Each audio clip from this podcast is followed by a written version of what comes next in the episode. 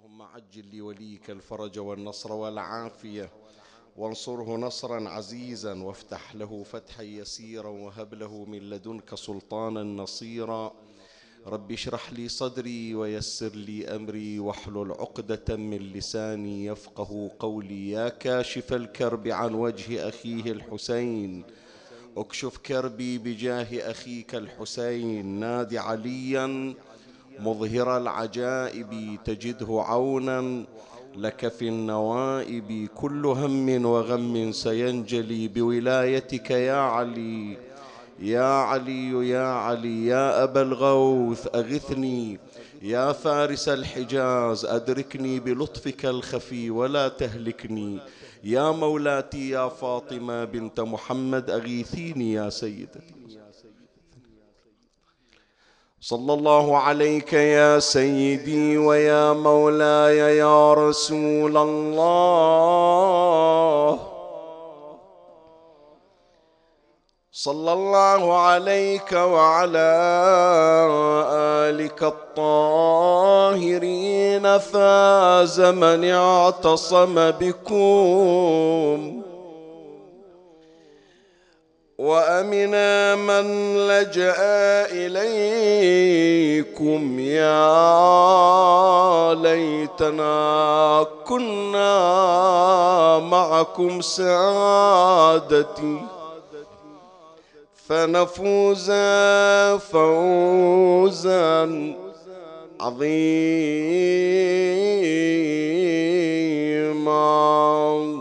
أعوذ بالله من الشيطان الرجيم.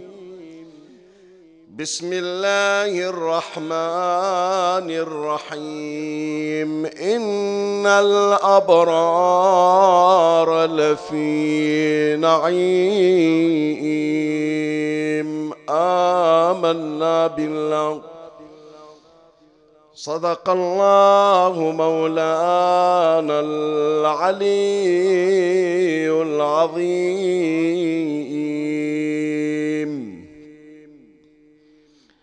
كنت قد أسست في الليلة الماضية سلسلة بعنوان نعيم الأبرار وذكرت بأن الأبرار هم فئة من الفئات المقربة من الله تبارك وتعالى. وقد من الله عز وجل على هؤلاء الأبرار برزق وافر وبامتيازات واضحة ومنها النعيم. وأشرت أيضا إلى أن النعيم الإلهي للأبرار لم يكن كما هو متصور محصورا ومقصورا على الدائر الآخرة فحسب. يعني حينما نقرأ نحن هذه الروايات والنصوص القرآنية يتبادر إلى الذهن أن الأبرار ينعمهم الله فقط إذا انتقلوا إلى عالم الآخرة ودخلوا في الجنة. وأما الأبرار في الدنيا فإنهم يشاهدون الشقاء والعناء. الإنسان عادة إذا كان من الصالحين من الأخيار من الأبرار دائما مضيق عليه ولا يتلذذ بنعيم هذه الدنيا فإذا كأنما هؤلاء الأبرار لا يرون النعيم في الدنيا وإنما نعيمهم مذخور في الآخرة. وذكرت بأن هذا الأمر ليس بصحيح لأن النعيم الإلهي للأبرار أفاض به الله تبارك وتعالى عليهم في الدنيا وفي عالم البرزخ وفي يوم القيامة ينعم الأبرار بنعيم الله عز وجل. وتحدثنا في الليلة الماضية بما لا مزيد عليه وذكرنا تعريف الأبرار ومن هم الأبرار وما هي صفاتهم وما هو النعيم الذي حصلوا عليه في دار الدنيا. وهذه الليلة الحلقة الثانية من هذه السلسلة نشير إلى نعيم الله عز وجل للأبرار في عالم البرزخ. ما البرزخ؟ يمكن بعض من أولادنا الصغار اللي يتابعون المجلس أو اللي شرفونا بحضورهم في هذا المجلس المبارك يسمعون عن هذا المصطلح ما يعرفونه. برزخ شنو؟ البرزخ هي المدة الزمنية التي تبتدئ من وفاة الإنسان حتى قيام الساعة.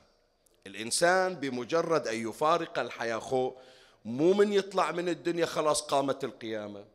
لا زالت القيامة لم تقم وهناك أناس قد ماتوا وفارقوا الحياة. طيب هذا اللي مات إلا صار له ألف سنة وألفين سنة ولا حتى اليوم هو فارق الحياة. حتى يأتي ذلك اليوم الذي ينفخ فيه في الصور. هذا وين الآن؟ وين مستودعة؟ وين مقرة؟ وين مكانة؟ هناك عالم من العوالم لا نراه نحن. تراه روح الميت. وإذا خرجنا من هذه الدنيا سوف ننتقل إلى ذلك العالم. ذلك العالم يعبر عنه بعالم البرزخ ومن ورائهم برزخ إلى يوم يبعثون. هذه الفترة يسمونها فترة البرزخ. طيب في هالفترة هذه اللي هو عالم غير مرئي اللي يعبرون عنه بعالم الماورائيات هذه الروح من تنتقل هناك شنو وضعها؟ عايشة في فراغ عايشة في هواء؟ لا. النعيم اللي حصلوه الأبرار في الدنيا والنعيم اللي راح يحصلونه في الآخرة أيضا هنالك نعيم سوف يلاقيه الأبرار والأخيار في عالم البرزاخ فحديثنا في هذه الليلة إن شاء الله أذكر لك بعضا من صور نعيم الله عز وجل للأبرار. وأنا ذكرت في الحلقة الماضية اللي هي ليلة البارحة ليش إحنا إحنا نتعرض إلى مثل هذا الموضوع؟ أولا حتى نتشوق أن نكون من الأبرار. أنت من تسمع عما أعد الله تبارك وتعالى لهم من نعيم تشتاق أن تكون منهم وحتى أنك تبتدئ بالتفاعل معهم. تقول ما يخالف أبتدي وياهم. وهذا ما تحدثنا عنه وذكرنا فيه بإسهاب. فالليلة عنوان حديثنا نعيم الأبرار في العالم البرزخي وأذكر لك صورا من هذا النعيم ومن الله أستمد العون والتوفيق ومن مولاي أبي الفضل العباس المدد وألتمس منكم الدعاء وثلاثا بأعلى الأصوات. صلوا على محمد وآل محمد. اللهم صل على محمد وآل محمد.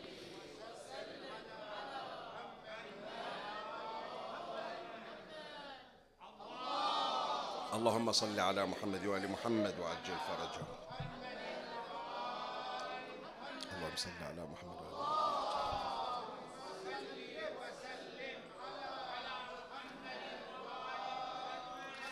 نعيم الله تبارك وتعالى لا حد له ولا عد. عقولنا تتوقف ونعيم الله وعطاؤه لا يتوقف. ولكن في هذه الليلة خمس من صور النعيم الإلهي أمر عليها تباعا. أما النعيم الأول فهو صورة المنزل المؤقت الذي ينقل إليه المؤمن بمجرد أن يخرج من هذه الدنيا. كثير يمكن يا إخواني يجهلون يتصورون بأنه هذه جنازة المؤمن من يطلعونها من المغتسل ويجيبونها إلى المقبرة وينزلونها بس هذا مكانه مكان إلى أن يجي يوم القيامة وينادى فيه فيخرج من هذا القبر. لا.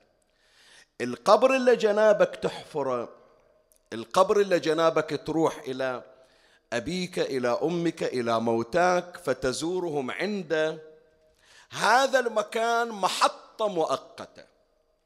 تنزل الجسد فيه. الآن الجسد موجود طبعا. روح المؤمن روح الولي روح الصالح روح الرجل أو الفرد الذي هو من الأبرار تبقى مدة من الزمن في هذا المكان. إلا نزلت فيه جنازة ميتك فيه فترة معينة بس. وتاليها ينقلون إلى مكان آخر. وهذا راح إن شاء الله نبينه. الآن تقول لي زين شيخنا ليش مو مباشرة يودونا إلى المكان الدائم إلى المكان الذي سيستمر فيه وسيسكن فيه؟ لا. شوف جنابك من صور التكريم من صور التكريم حتى يعني خلي أطبق لك هذا بمثال موجود عندنا إحنا في دنيانا. يقولون لهذا المسافر متى الطائرة مالتك فرضا الساعة عشرة؟ يقولون له حياك عندنا من الساعة ثمانية. زي شو أسوي ساعتين؟ هي موعد الإقلاع الساعة عشرة. شو أسوي ساعتين قبل؟ لا مسوين لك استراحة مسوين لك قاعة يسمونها في اي بي يخلون لك ذاك الطعام الراقي. يخل... وكأنما البعض لا يريد أن يخرج من ذلك المكان. صحيح لو لا؟ مع العلم هو مو جاي يسكن في المطار. هو جاي بيسافر. لكن كنوع من التكريم له يخلونه في موضع ضيافة. القبر اللي جنابك أنت تحفره اللي يعبرون عنه العلماء بأنه قبر ظاهري. شلون قبر ظاهري؟ قبر ظاهري هذا تراب مقبرة الهملة إلا حفرناه ولا هكذا كلما يتجاوز عرضا شبر شبر وشوي وطولا بمقدار قامة هو هذا القبر وين النعيم؟ لا هذا اللي تشوفه أنت. لكن ما وراء الحجب لا كما قال نبينا محمد. صلى الله عليه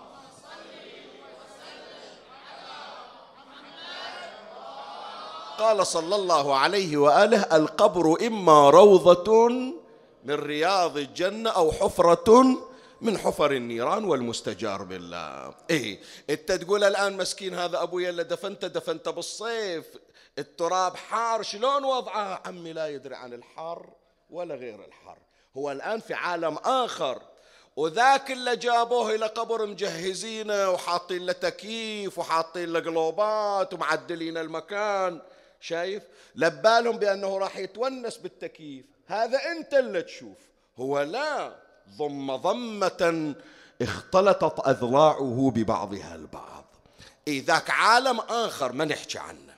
زين فيجيبون روح روح المؤمن ينزلون في هذا القبر القبر ويبتدئ عالمه البرزخي. ويعطى في هذا القبر اللي جنابك أنت حفرته تكريم أولي كمنزل مؤقت. خلني الآن النعيم الأولي. أبين لك صورة هذا المنزل المؤقت. شلون يستضيفون روح الميت؟ اي الحديث عن إمامنا أبي جعفر محمد بن علي الباقر عليه السلام. يتكلم عن نزول الميت في القبر. وبمجرد الانصراف أول ما نمشي عنه بعد التلقين أهل الفاتحة راحوا الحسينية حضر الملكان. الآن من يجي الملكان إلى روح الميت. شوف الإمام الباقر ماذا يقول عن أول ساعة له في القبر. غير نقول إحنا في التلقين اعلم يا فلان أنك في آخر ساعة من ساعات الدنيا وأول ساعة.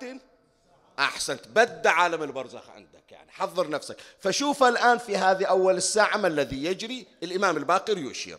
قال عليه السلام الملائكة أو الملكان يخاطبان المؤمن. يقولون له نو نم نومة لا حلم فيها. هذا إن شاء الله راح نوقف عند عبارة لا حلم فيها. نم نومة لا حلم فيها ويفسح له في قبره سبعة أذرع ويرى مقعده من الجنة. زين هي ثلاثة أمور. خلنا نتوقف عندها أول أمر استقبال ضيافة. من اللي يستقبلونه تستقبل ملائكة الله تبارك وتعالى. فلهذا ذول الملائكة الاثنين يتبدلون. إن كان قد جاء إلى شخص منحرف والمستجار بالله واحد يسمونه منكر والثاني أي نكير. أما إذا كان هذا الذي أودع الثرى من الصالحين سموهما مبشر وبشير. جايين شو يسوون؟ يستقبلونه ويضيفونه فيقولون له نم نومة لا حلم فيها. شنو يعني لا حلم فيها؟ خلي أوقف وياك عن هالكلمة. يقولون له أنت في دار الدنيا دائما شايل هم الآخرة. ما أدري أنا من ينزلوني في القبر شنو وضعي. بعضهم ترى شفناه في وقت الموت وهو يحاتي إذا عليه صلوات أو إذا عليه شيء. الله يرحمها عمتنا خادمة الإمام الحسين. رحم الله أمواتي وأمواتكم جميعا. بكاؤها في آخر لحظات حياتها شايلينها من غرفتها مودينها إلى السلمانية بس هي هذه الليلتين وفارقت الحياة يعني. آخر كلامها شنو؟ علي صلاة ليل ما مداني أصليها من التعب. صلوها عني ما أبغى أطلع إلا حياتي كلها قضيتها في صلاة الليل. إيه وبعض المؤمنين رحمة الله عليهم ما يفكر في أولاده ما يفكر في عائلته ما يفكر في الحسينية ديروا بالكم عليها. اي نعم هالشكل أكو أناس. زين هذا في دار الدنيا عنده قلق من أنزل بالقبر شنو وضعي؟ فالملائكة تقول له نم نومة لا حلم فيها إلا تحاتيه وأنت في الدنيا. الآن استقريت يعني لا كوابيس في هذه الدار. ولا قلق ولا اضطراب. خلاص جئت إلى في محل في محل الاستقرار والطمأنينة. هذا واحد من التفسيرات. الثاني من تفسيرات لا حلم فيها يعني شنو؟ أنت إيش تتمنى في دار الدنيا؟ والله أتمنى أنه إذا طلعت من دار الدنيا أجاور أهل البيت أحصل لي قصر في الجنة أحصل من نعيم الله. كل ما كنت تتمناه وتحلم به في دار الدنيا يتحقق عندك الآن في هذا الموضع. يعني الآن في هذا المرقد في هذا القبر في هذا الضريح هو محل استجابة الدعاء وتحقيق الأحلام التي كنت لهذا شوف القبر شو يسمونه يا جماعة. بعض الأماكن يقولون روضة فلان. روضة شنو؟ روضة يعني جنة. الجنة إيش فيها؟ فيها ما لا عين رأت ولا أذن سمعت ولا خطر على قلب بشر. فإذا تخاطبه الملائكة نم نومة لا حلم فيها. بعد شي حصل يتوسع له مرقده. أمير المؤمنين سلام الله عليه يقول من ينزلون هذا يجي الولد يطالع يقول أبويا تالي خاف ضيق عليه المكان القبر ضيق عليه. لا عمي أنت بس غطى وشوف شي تولونه أمير المؤمنين عليه السلام يقول يوسع له الإمام الباقر سبعة أذرع من الأربع الجوانب يمتد القبر. القبر اللي حفرت التراب مثل ما هو ما تغير. لكن في عالم البرزخ لا توسع. ليش توسع؟ الواحد يدور الساعة ليش؟ حتى يرتاح. تمام لولا فهذا القبر هو موضع راحته. هذا واحد. الثاني الحديث ورد من سعادة المرء الدار الوسيعة. فهذا من يصير قبر قبر واسع. يعني شنو؟ يعني صار القبر محل السعادة فكل سعادة تتنزل عليه في قبره. زين هذا الآن حصل بشارة الملائكة. وحصل أحلام اللي يتمناها والكوابيس راحت عنه. وتوسع عليه في القبر جابوا له شاشة قدام عينه. هو مضطجع في القبر حطوا له الشاشة. شنو هالشاشة قال نراويك الآن الجنة فيها؟ هذا قصرك وهؤلاء هم جيرانك وأنت قصرك إلى جوار قصر محمد وآل محمد. صلوات الله عليه.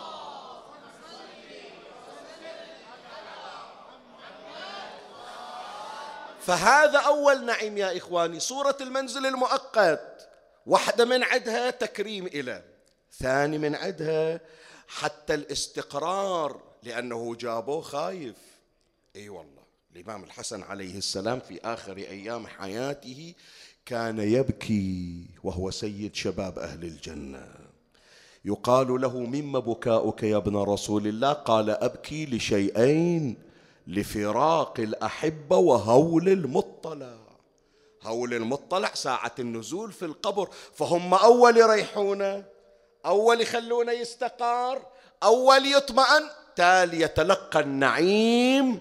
الذي سينتقل إليه في منزله الدائم. هم تكريم هم استقرار. يقولون له لا تخاف تخاف من شنو؟ تفضل. هذا قصرك هذا جيرانك هذا أنت في الفيلم مالك في القيامة. لا عذاب ولا حساب ولا توقيف ولا محاسبة ولا مساءلة. وأنت من أهل الجنة مع الأبرار إن شاء الله. رزقنا الله وإياكم. هذا النعيم الأول. أول صورة من صور النعيم للأبرار في عالم البرزخ صورة المنزل المؤقت. كم يبقى عمي في المنزل المؤقت؟ اختلفت الروايات. بعضهم يقول ثلاثة أيام. ثلاثة أيام يعني جنابك من يتوفى من عندك ميت والدفنة يوم الثاني روحه بعد موجودة في القبر. يوم الثالث هم كذلك. روايات تقول لا أربعين يوم. أربعين يوم. ولهذا الإمام الرضا عليه السلام أوصى بأن يصب الماء على قبره أربعين يوما. الروح بعده موجودة. زين هذا المنزل المؤقت يستمر فيه نزول الميت أربعين يوم. عقب الأربعين يوم أو الثلاثة الأيام وين يودونا اي تعال شوف الرواية. تنقل إلنا يأخذونه إلى المكان الدائم. وين المكان الدائم؟ الرواية عن أمير المؤمنين سلام الله عليه. قال وما من مؤمن يموت في بقعة من بقاع الأرض في البحرين متوفي بلندن متوفي. وين يودونه إلا قيل لروحه الحقي بوادي السلام. وين وادي السلام؟ في جوار أبو حسين سلام الله عليه. إيه إلا قيل لروحه الحقي بوادي السلام وإنها لبقعة من جنة عدن. هذا المكان اللي جنابك تروح إليه. إلا من توصل قبل الحرم أول ما تدخل النجف تمر على هذه القبور. أنت تشوفها قبور لكن هي قطعة جايبينها من الجنة. تجتمع فيها أرواح المؤمنين. زين شنو نستفيد من هالرواية؟ أولا أول فائدة إذا تسأل جنابك أبويا اللي توفى وين الآن؟ أمي اللي ماتت وين يا الآن؟ فلان اللي عزيز على قلبي وراح وين الآن؟ عمي هذا قطعوا له قطعة من الجنة استنسخوها والآن الميت مالك إلا من الأخيار الأبرار الآن يتنعم في جنة مصغرة ومستنسخة. أي نعم. هي واحدة هي أمور تطمئن قلوبنا يا إخوان شوي خلي أوقف وياك خلي أوقف وياك عند هالعبارة. لأنه تعرفون الآن الحمد لله رب العالمين بعد انكشاف هذه الغمة وإن شاء الله حتى ما نسمع عنه من أخبار عن متحور وغير متحور وعن هذه الجائحة الجديدة يكفينا الله تبارك وتعالى شرها كما كفانا شر الأولى وجميع الشرور ببركة محمد وآل محمد صلوات الله عليهم.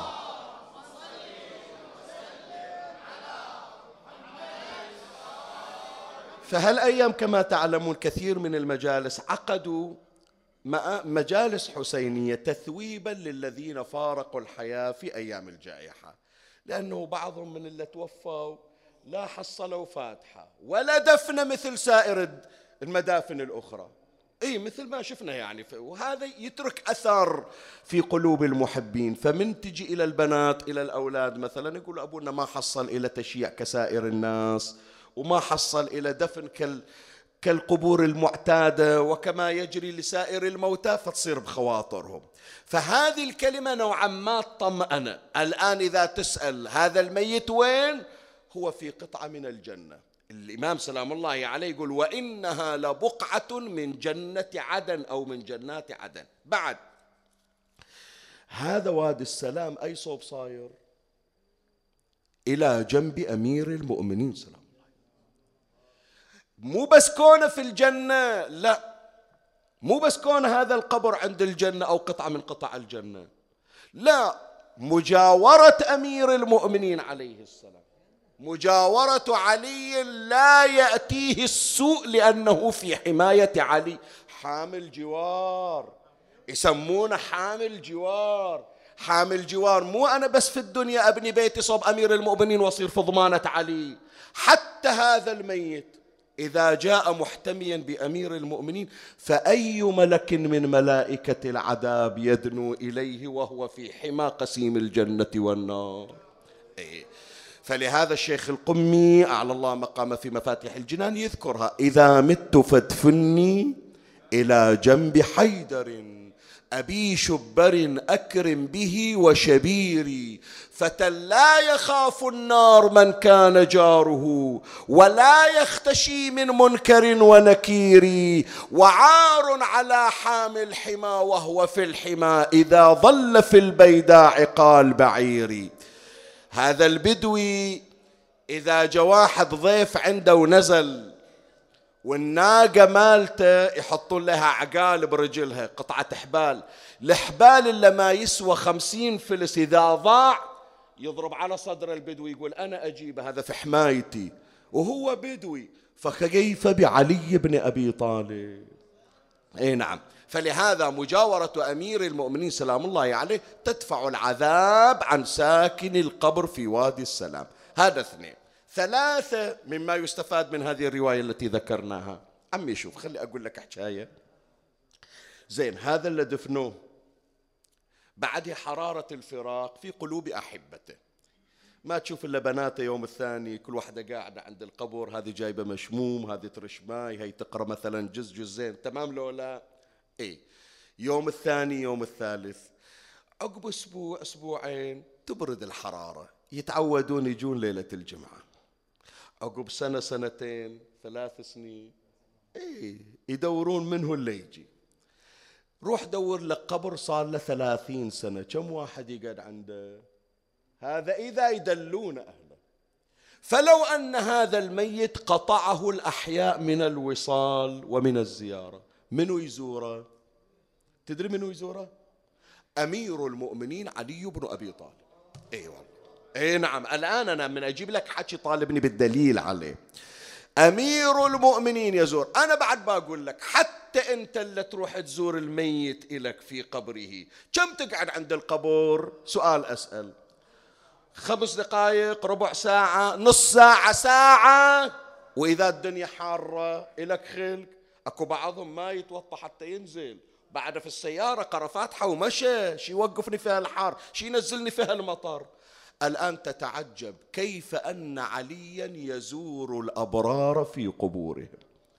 وزيارة عمي مو مثل ما يقولون البحارنا زيارة مبغض زار وسلم ومشى الآن اسمع نص الرواية اللي يذكرها حب العرني. قال حبة العرني خرجت مع أمير المؤمنين عليه السلام إلى الظهر. الظهر يعني النجف. فوقف بوادي السلام كأنه مخاطب لأقوام. فقمت بقيامه. يقول أشوف علي يقول بعدهم بعدهم ما ما دفنوا قبور لكن نقلوا الأرواح إلى وادي السلام. أمير المؤمنين بعد على قيد الحياة يقول ظل أمير المؤمنين واقف وأنا واقف وياه. فقمت بقيامه حتى أعيت تعبت من الوقفة. يقول ثم جلست حتى مللت من القعدة تعبت. ثم قمت حتى نالني مثل ما نالني أولا. هم تعبت. ثم جلست حتى مللت. ثم قمت وجمعت ردائي. قمت يقولوا أخذت عبايتي بشتي شفستها. فقلت يا أمير المؤمنين إني قد أشفقت عليك من طول القيام.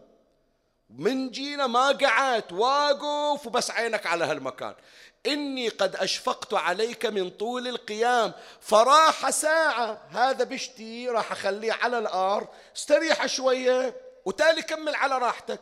فراحة ساعة ثم طرحت الرداء ليجلس عليه فقال اسم أمير المؤمنين سلام الله عليه فقال يا حبة إن هو إلا محادثة مؤمن أو مؤانسته هذا ما عند أحد يمر عليه. أنا اللي يقول أوقف إليه. هذا جابه وروحه حتى يستجير بي شلون أخليه؟ فيبقى علي واقفا عند قبور وعند أرواح المؤمنين. يحدثهم ويؤانسهم. اللهم ارزقنا رؤية وجه أمير المؤمنين سلام الله عليه وسماع صوت علي بن أبي طالب. فهذا عمي النعيم الثاني أنه يجاور عليا في بقعة من بقاع الجنة ويؤنسه أمير المؤمنين بحديثه ومو مرور سريع لا يقف علي عند الميت حتى يتمتع ويستمتع المؤمن بمحادثة أمير المؤمنين. هذا النعيم الثاني. زين النعيم الثالث. الآن أنت تقول لي شيخنا هذا من يموت شلون شكله يصير؟ الميت الميت هذا من يموت. شكله شلون؟ وضعه شلون؟ خلنا نشوف هذه الرواية اللي هي عن الإمام الصادق عليه السلام. عن يونس ابن ظبيان قال كنت عند أبي عبد الله عليه السلام. يعني الإمام الصادق عليه السلام. فقال الإمام يسأل يونس ما يقول الناس في أرواح المؤمنين؟ الناس يعني شنو؟ يعني المذاهب الأخرى. شي يقولون هذا المؤمن من يموت روحه شلون تصير؟ الآن يونس ينقل للإمام الصادق ما يقول الآخرون عن أرواح المؤمنين بعد موتهم. فقلت يقولون تكون في فقلت يقولون تكون في حواصل طيور خضر.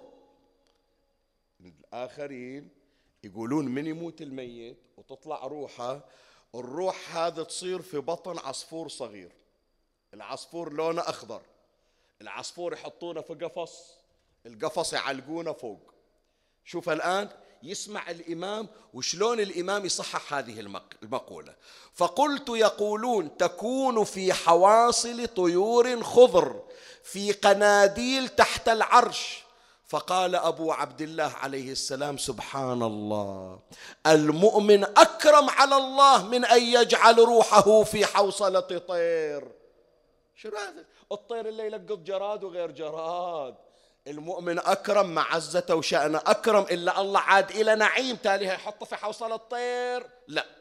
قال فقال أبو عبد الله عليه السلام سبحان الله المؤمن أكرم على الله من أن يجعل روحه في حوصلة طير. يا يونس هي تحتاج الليلة من عندكم صلوات خاصة من أقرأ الكلمة. يا يونس إذا كان ذلك أتاه محمد صلى الله عليه وآله.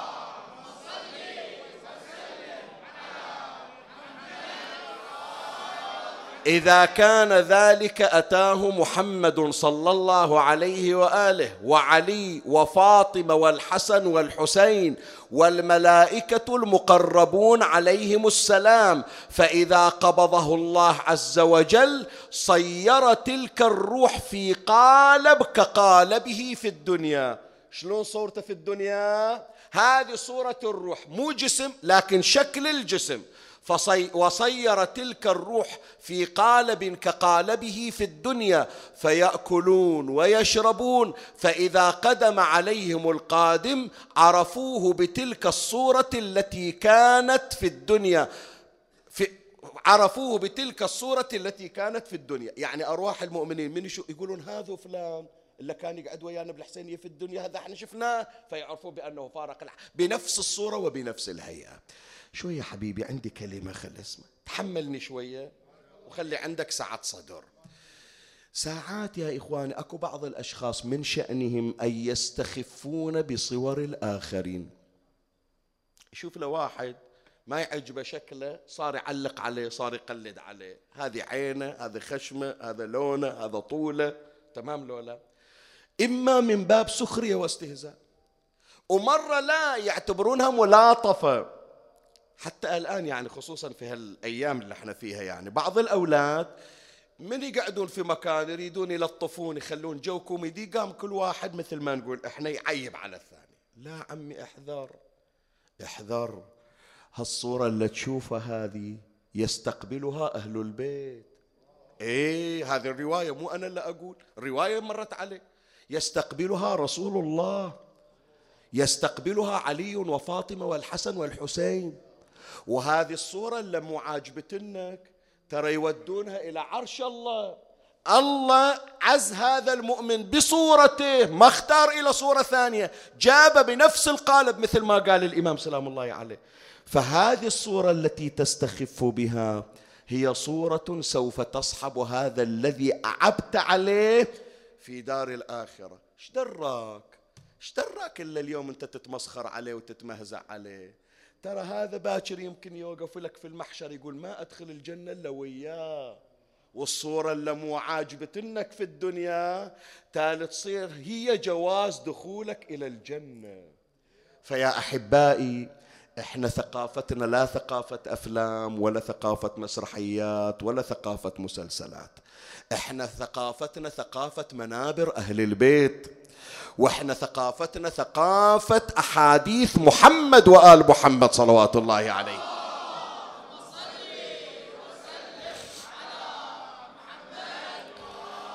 فالتوصية احذر أنه في ذات يوم يأخذك الشيطان إلى أن تستخف بصورة أحد هو من أولياء الله. هذه الصورة هي التي يستقبلها أهل البيت ويرفعونها إلى عرش الله. هذا النعيم الثالث. النعيم الرابع.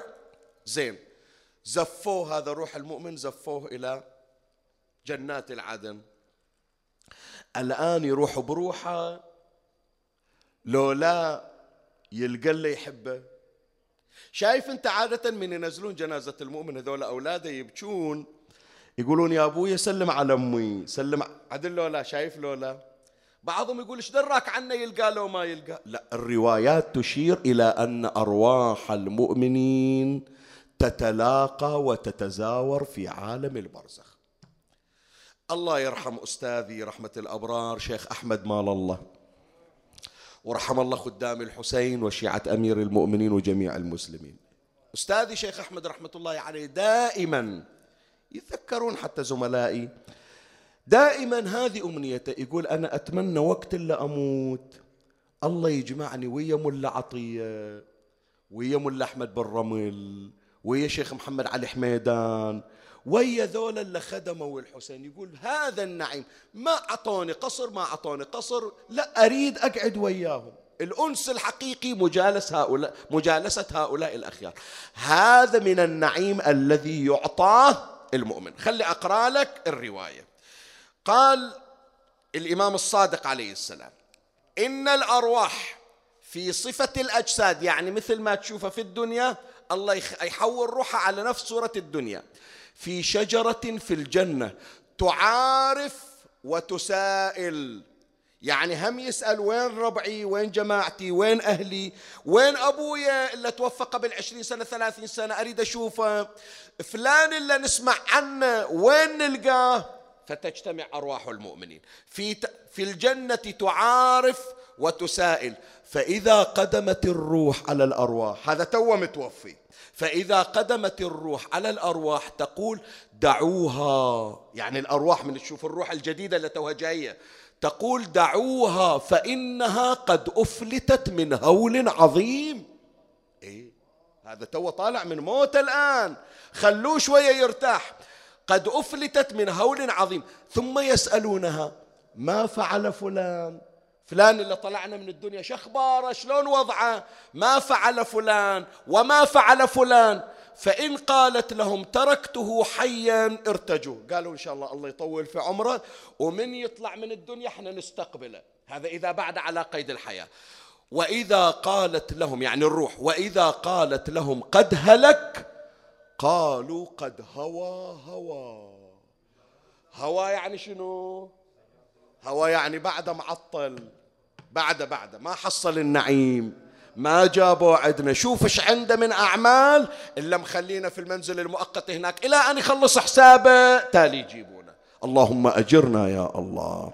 زين فإذا هذا النعيم الرابع. وأما النعيم الخامس وهو ختام مجلسنا. الليلة خصوصا ليلة الجمعة يعني عادة الأسر البيوت يذكرون أمواتهم. أحبائي اذكروا أمواتكم. اذكروا ذوي الحقوق عليكم.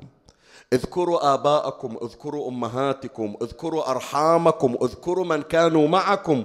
اذكروا من كانوا يتمنون أن يجلسوا معكم في مثل هذه الجلسة. واطلبوا لهم الرحمة والمغفرة. واقرأوا لهم جميعا سورة الفاتحة يا حي يا قيوم بسم الله الرحمن الرحيم الحمد لله رب العالمين الرحمن الرحيم مالك يوم الدين إياك نعبد وإياك نستعين اهدنا الصراط المستقيم صراط الذين أنعمت عليهم غير المغضوب عليهم ولا الضالين بسم الله الرحمن الرحيم. قل هو الله أحد الله الصمد لم يلد ولم يولد ولم يكن له كفوا أحد. اللهم صل وحدتهم وآنس وحشتهم وسكر روعتهم. خفف اللهم عنهم ثقل الثرى واغفر لنا ولهم يوم يقوم الحساب. الأسر في مثل هالليلة ليلة الجمعة يذكرون الأموات ويقولون ما ندري الآن روح أبونا لو تحضر. وشوفونا شلون قاعدين حاطين لمجلس قارين لفاتحة فهل تحضر أرواح المؤمنين إلى منازلها لو لا؟ إيه. الروايات تشير إلى أن من نعيم الله عز وجل أن روح الميت الصالح الملائكة تجيبها إلى أهلها. هي نفس الروح تطلب. تقول ما أدري ودوني إلى أولادي إلى زوجتي إلى عيالي شلون وضع البيت شلون مجلس العادة الأسبوعي شلون ذكروني لو نس يتذكروني لو نسوني.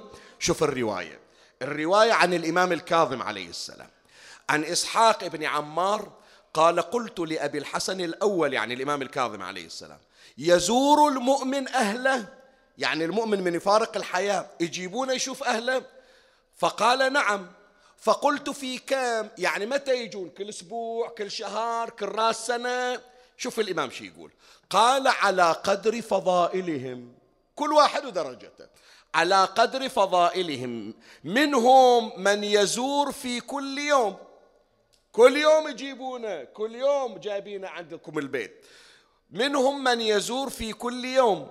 ومنهم من يزور في كل يومين. ومنهم من يزور في كل ثلاثة أيام. قال ثم رأيت في مجرى كلامه يقول أدناهم منزلة. يز يعني أقل واحد اللي ما عنده درجات أدناهم منزلة يزور كل جمعة مثل هالليلة يجيبونهم أرواح المؤمنين. قال في أي ساعة متى أي حزة؟ قال عند زوال الشمس وفي مثل ذلك. قال في أي صورة؟ قال في صورة في صورة العصفور أو أصغر منه يعني مثل الملك الصغير أو أصغر من ذلك يبعث الله عز وجل معه ملكا فيريه ما يسره ويستر عنه ما يكره فيرى ما يسره ويرجع إلى قرة العين.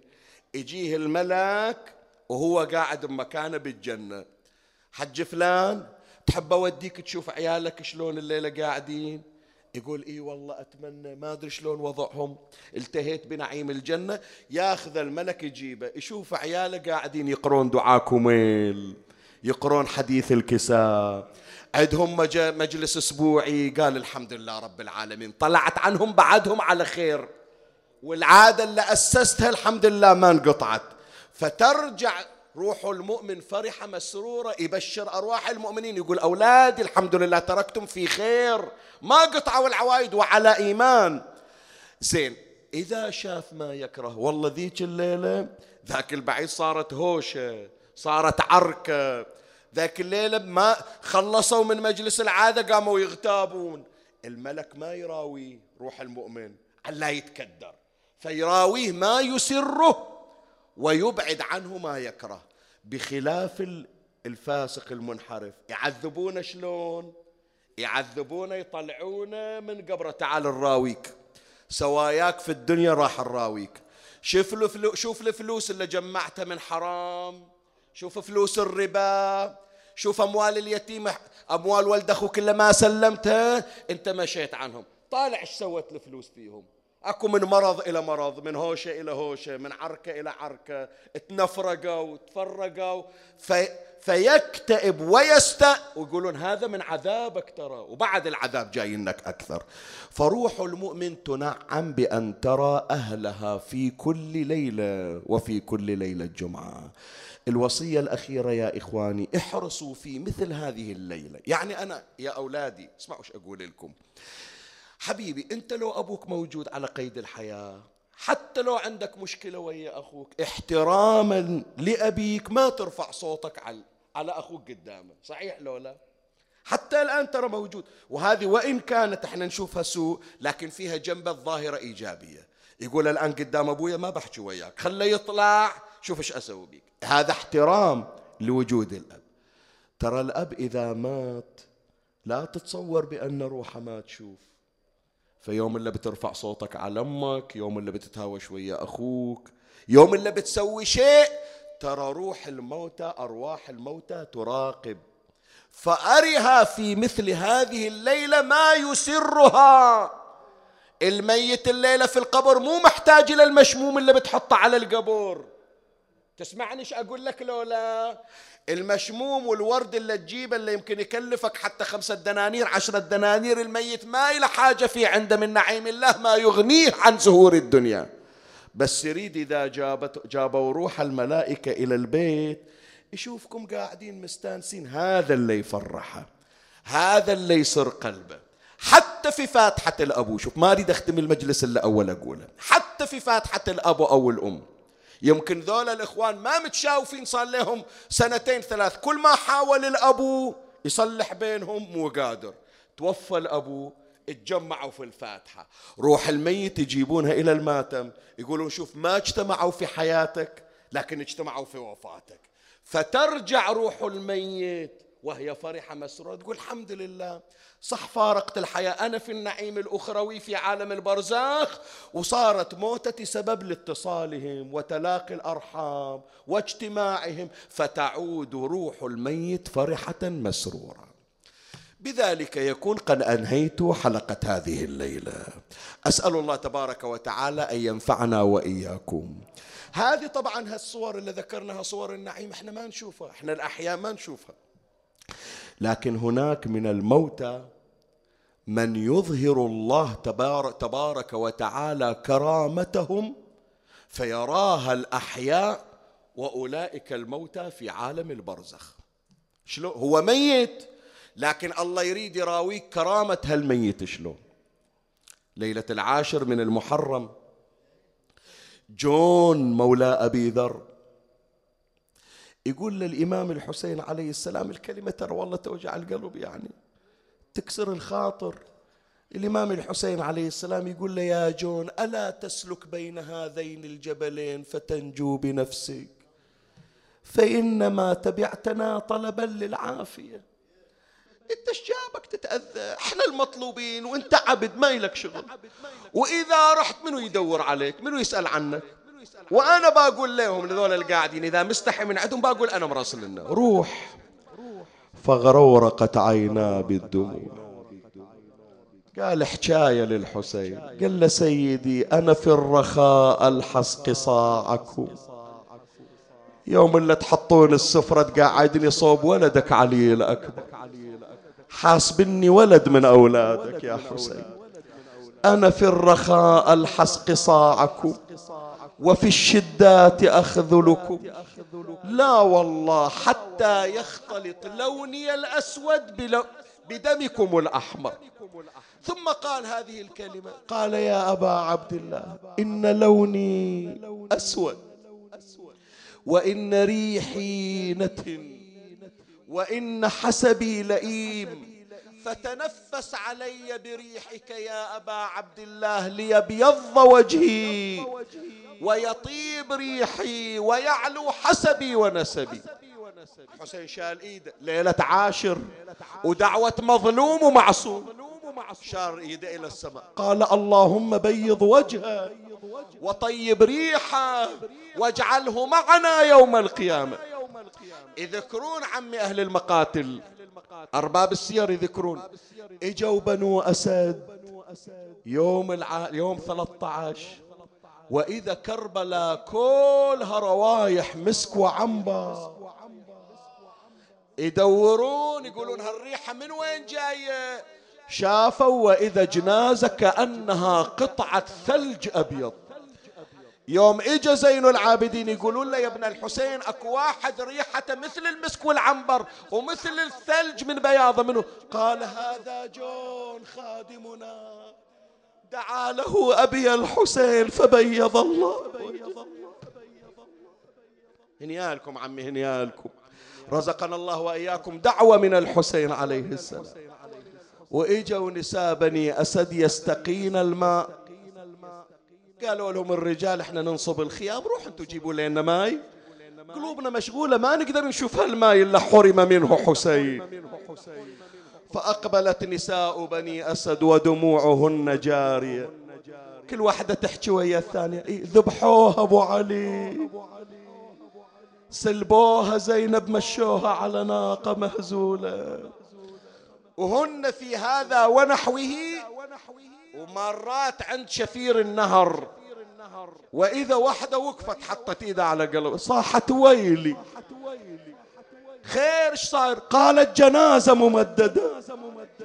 وينها قالت هناك هناك طالعوا شوفوا هنا ما التفتوا وإذا جنازة لكن عمي مفصلة تفصيل.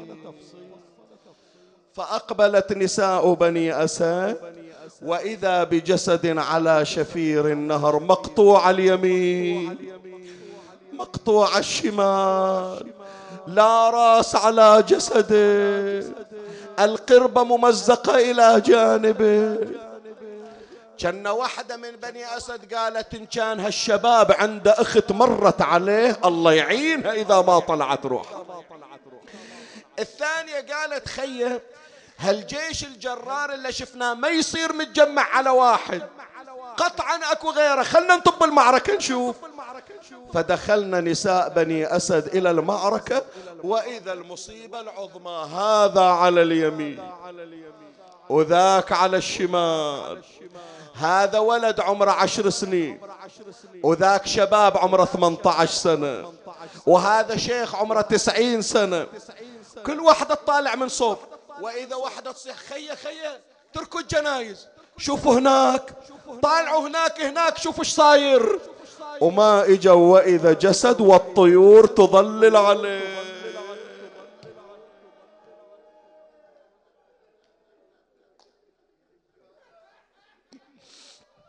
راح أحكي لك حكاية. لو تقدر تسمعها بكيفك. ما تقدر تسمعها صم أذنك لا تسمع. خاف طاقة ما عندك. كل الجنايز هذا على الظهر ذاك على اليمين ذاك على الشمال إلا هالجنازة مقلوبة على وجهها شو اللي قلبها حجي؟ شو اللي قلبها؟ لا تبكي أول رد علي شو اللي قلبها؟ ركله شمر برجله فقلبها. لا عميت هذه العيون ولا جفت هذه الدموع.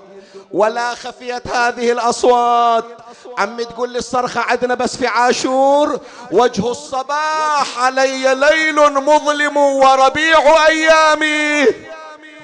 كلها محرم رجعنا يتصارخن وينادين وحسينا. إيش صاير؟ قالوا قرابة خط الحزن منه اللي أريد أسمع صوتك. قرابة خط الحزن منه اللي إيه؟ قرابة وكل ميت يحضرونه. قرابة رحمة إلى أمواتكم. المجلس كله يصيح قرابة. ترى بس حسين ما حصل. قرابة قرابة داست فوق صدر الأعوجي داست فوق صدر الأهاية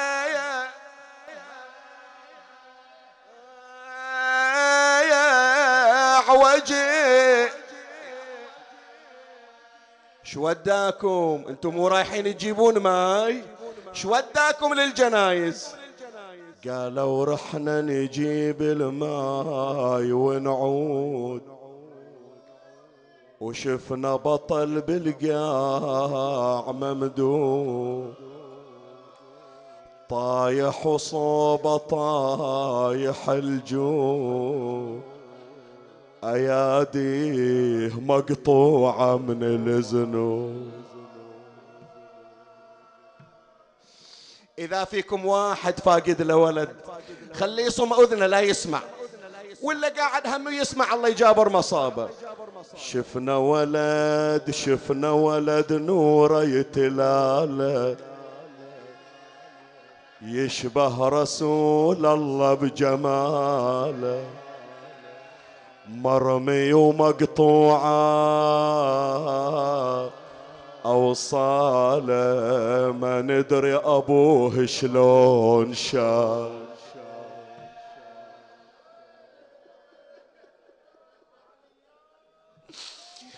من هالمصاب إحنا انتحلنا وجينا على العادة ونزلنا.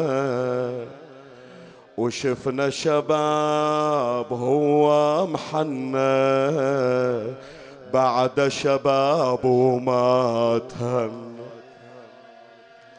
شفنا جنازة وجينا ليها وشفنا عجب يا ناس فيها. سمعني صوتك طيور السما تظلل عليها. جنازة وراس ما عليه أويلي فطر مرايرنا بطل يم الشريعة. حتى من الزندين شفينا قطيعة شايل علم جنة وسلالة هاشمية. أويلي من شوفته تلوح الشجاعة وشدة الباس. زنوده بلا شفين والجثة بلا راس وانظن عليه الفارس المعروف. عباس قطعوا على جود العدا شماله واليمين. أويلي. يما ولد مثل القمر نوره يتلاله وكثر الطعن والضرب ما غير جماله ما تنحصى جروحه معفر على شماله الله يعين الفقدة وراحت غريب. أويلي كلهم بلي روس وحزني عليهم. ما حد دل من الخلق صلى عليهم إلا طيور من السما الظليل. عليهم واجسادهم داست عليها الأعوجي. نسوان بني أسد ينعون في كربلاء وأكو وحدة تنعي في الخرابة في الكوفة. تعرفها لو ما تعرفها من ونتها تعرفها. أريد انشدك ما اي شربته. إي هكذا النياحة. أريد انشدك ما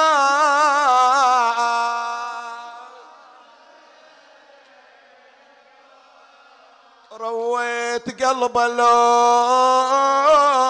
دفنت حسين. لا يذبح الكبش حتى يروى من ظمئين ويذبح ابن رسول الله.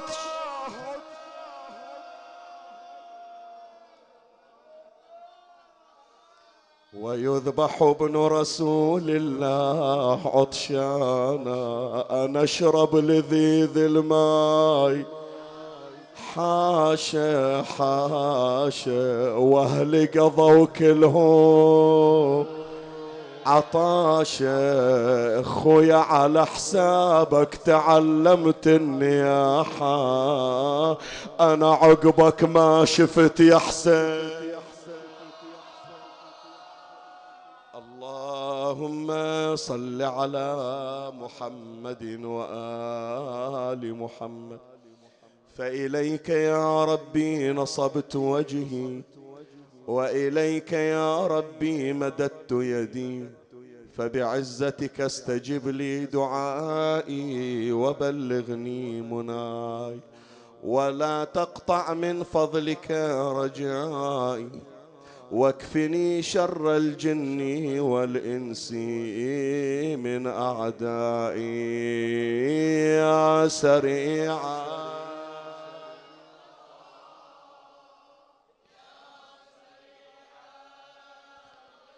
اغفر لمن لا يملك إلا الدعاء فإنك فعال لما تشاء. يا من اسمه دواء وذكره شفاء وطاعته غنى. ارحم من رأس ماله الرجاء وسلاحه البكاء. يا سابغ النعم يا دافع النقم يا نور المستوحشين في الظلم. يا عالما لا يعلم. صل على محمد وآل محمد. وافعل بنا ما أنت أهله وصلى الله على رسوله والأئمة الميامين من آله وسلم تسليما كثيرا. اللهم عجل فرج إمامنا صاحب العصر والزمان. شرفنا برؤيته وارزقنا شرف خدمته. اجعلنا اللهم من خلص حواريه وخدامه. وارزقنا تقبيل يديه وأقدامه. ترحم على أمواتي وأموات الباذلين والسامعين والمؤمنين أينما كانوا سيما من لا يذكره ذاكر ولا يترحم عليه مترحم. وإلى روح الحاج أحمد عبد الله الهدار وأرواح موتانا وموتاكم ولمن مات على الإيمان نهدي لهم ثواب هذا المجلس المبارك وثواب سورة الفاتحة تسبقها صلوات.